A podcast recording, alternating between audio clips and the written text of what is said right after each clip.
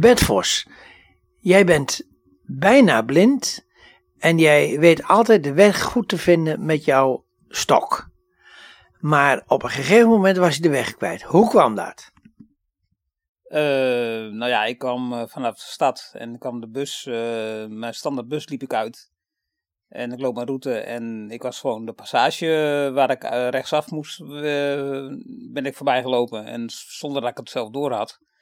En dat kwam waarschijnlijk door de, door de herfst, want de bladeren en alles ja, liepen over het, um, over die uh, oprit waar ik altijd overheen loop. Uh, want dat is, daar tegenover heb je dan de, de oversteek. Ja, en die was zo bezaaid met blad dat ik dat gewoon voorbij ben gelopen. Ja, of, of had de drank nog invloed? Nee, ik had, ik had wel twee biertjes op, maar ik was nog heel helder. Oké, maar hoe ging dat verder?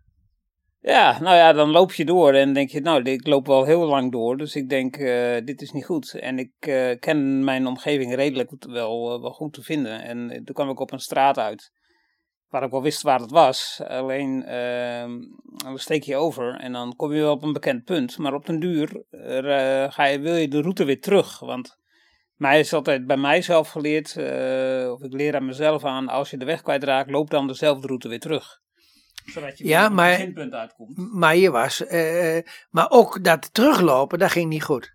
Uh, nee, maar dat komt dus allemaal door die rotzooi op de weg. Want uh, ja, door die bladeren en, uh, en al dat eikelgedoe en die beukennootjes en alles, alles was bezaaid. En de straatverlichting, moet ik ook even zeggen, de straatverlichting was voor de helft uit. Omdat het na twaalf was s'avonds. Dus ja. ja, het was midden in de nacht. Ja. En, en, en je zat ergens enzovoort. Wat heb je toegedaan?